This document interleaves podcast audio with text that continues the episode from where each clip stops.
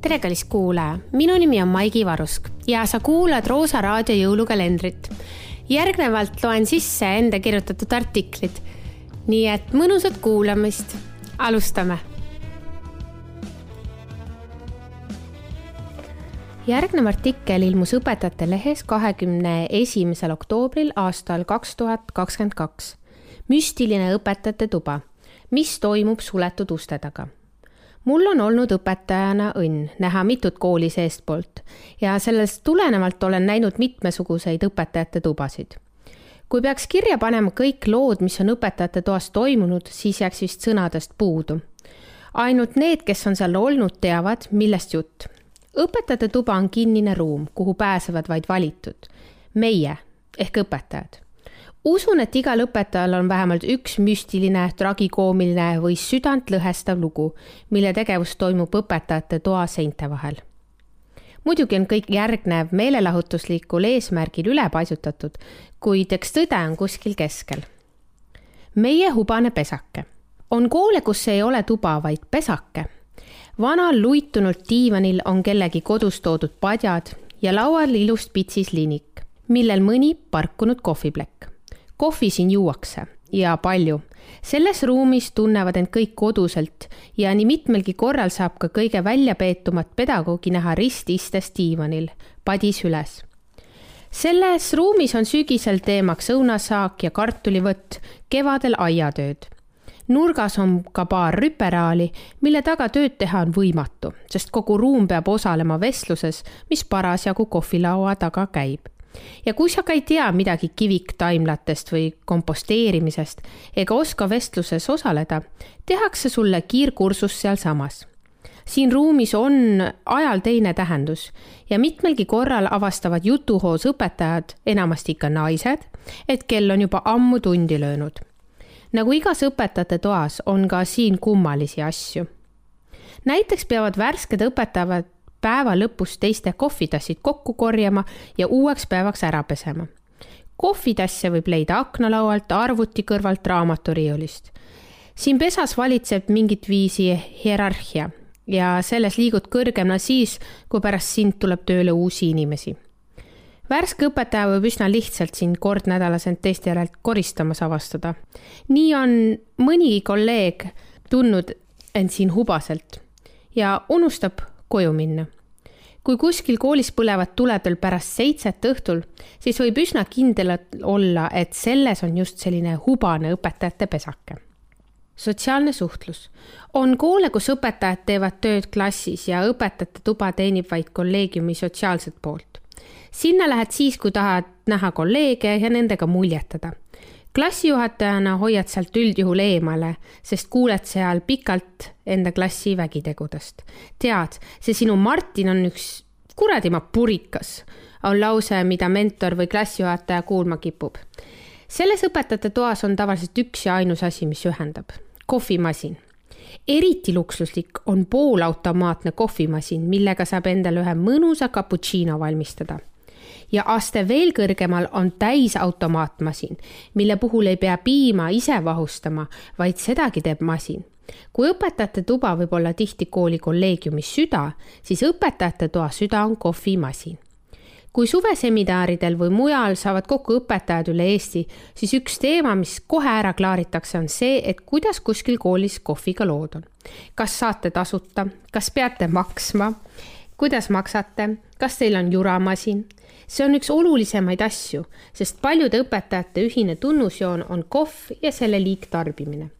aga see, et lähed vaba tunni ajal või pikal vahetunnil kohvi võtma ja avastad end kolleegiga diivanil jutustamas, on sisekliimale hea ja loob võimaluse end kollektiivi liikmena tunda, sest me oleme sotsiaalsed olevused ja üldjuhul tahame õpetajatena koolis kogeda kuuluvustunnet sellises õpetajate toas on tihti tekkinud seltskond, kes käib koos kohvi joomas.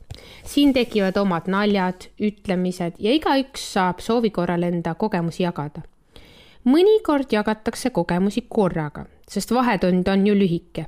ja olgem ausad, siin peavad kehtima reeglid, kindlad piirid, et asi muutuks klatšiks ja tegemist ei oleks niisama pläkutamisega kunagi oli selles õpetajate toas ka kurikuulus telefon kui see helises, olid kõik äkitselt väga hõivatud.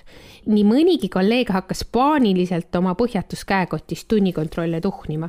teine tõusis püsti ja liikus sihikindlalt ukseni ja uksest välja. muidugi ei taha keegi telefonile vastata.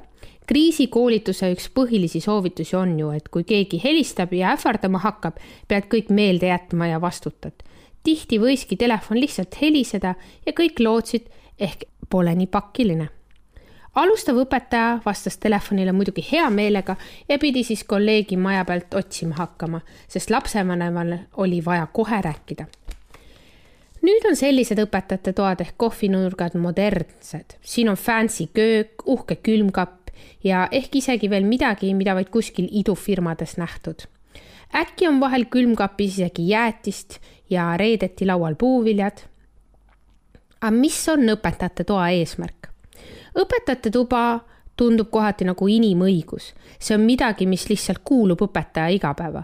aga mis saab siis, kui sellist kohta koolimajas ei ole? minu kogemus on, et ei saa midagi ja elu läheb edasi. tuleks küsida laiemalt, mis on õpetajate toa eesmärk? kas see on koht, kus kolleegid saavad suhelda või koht, kus õpetaja peab saama tööd teha? Olen tihti mõelnud, kui palju muutuks, kui meil ei oleks õpetajate tuba ja õpetaja tuleks kooli, annaks oma tunnid ja lahkuks. ma ei oska sellele vastata. õpilasena mäletan, et õpetajate toast sai alati vajalikku info ja seinal oli uhke suur tunniplaan. mõnikord põrkuvad inimeste arusaamad õpetajate toast. Pole võimalik, et üks ruum saab olla samal ajal töö tegemiseks ja sotsialiseerumiseks.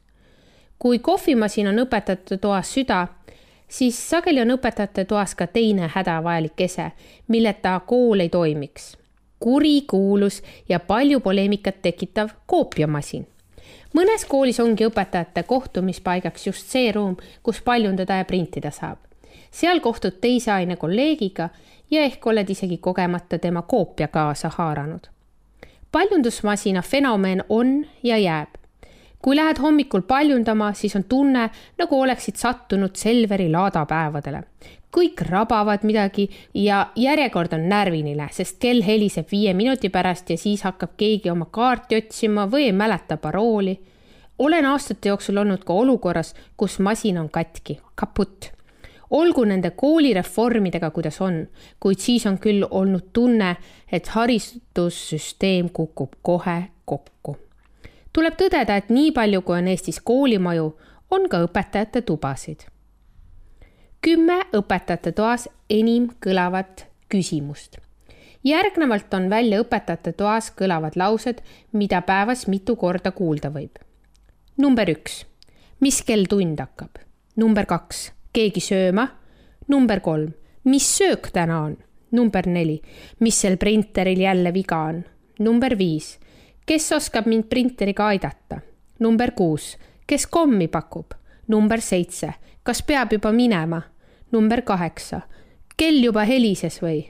number üheksa, mis kell koosolek hakkab? kümme, jaa. õpetajate toa reeglid järgnevalt toon välja viis reeglit, mis on aastate jooksul kinnitust leidnud. reegel number üks. Ära loo silmsidet inimesega, kes omaette räägib, sest pead siis vähemalt kümme minutit teda kuulama. reegel number kaks. kui keegi uksele koputab, siis loe aeglaselt kümneni. äkki keegi teine tegeleb. reegel number kolm. kui näed, et kohvimasin vilgub siis lükka kohvi joomine järgmisele pausile. number neli. kui keegi istub sinu arvuti taga, siis aseta enda kotte kõrvale ja hinga talle vaikselt kuklasse. reegel number viis.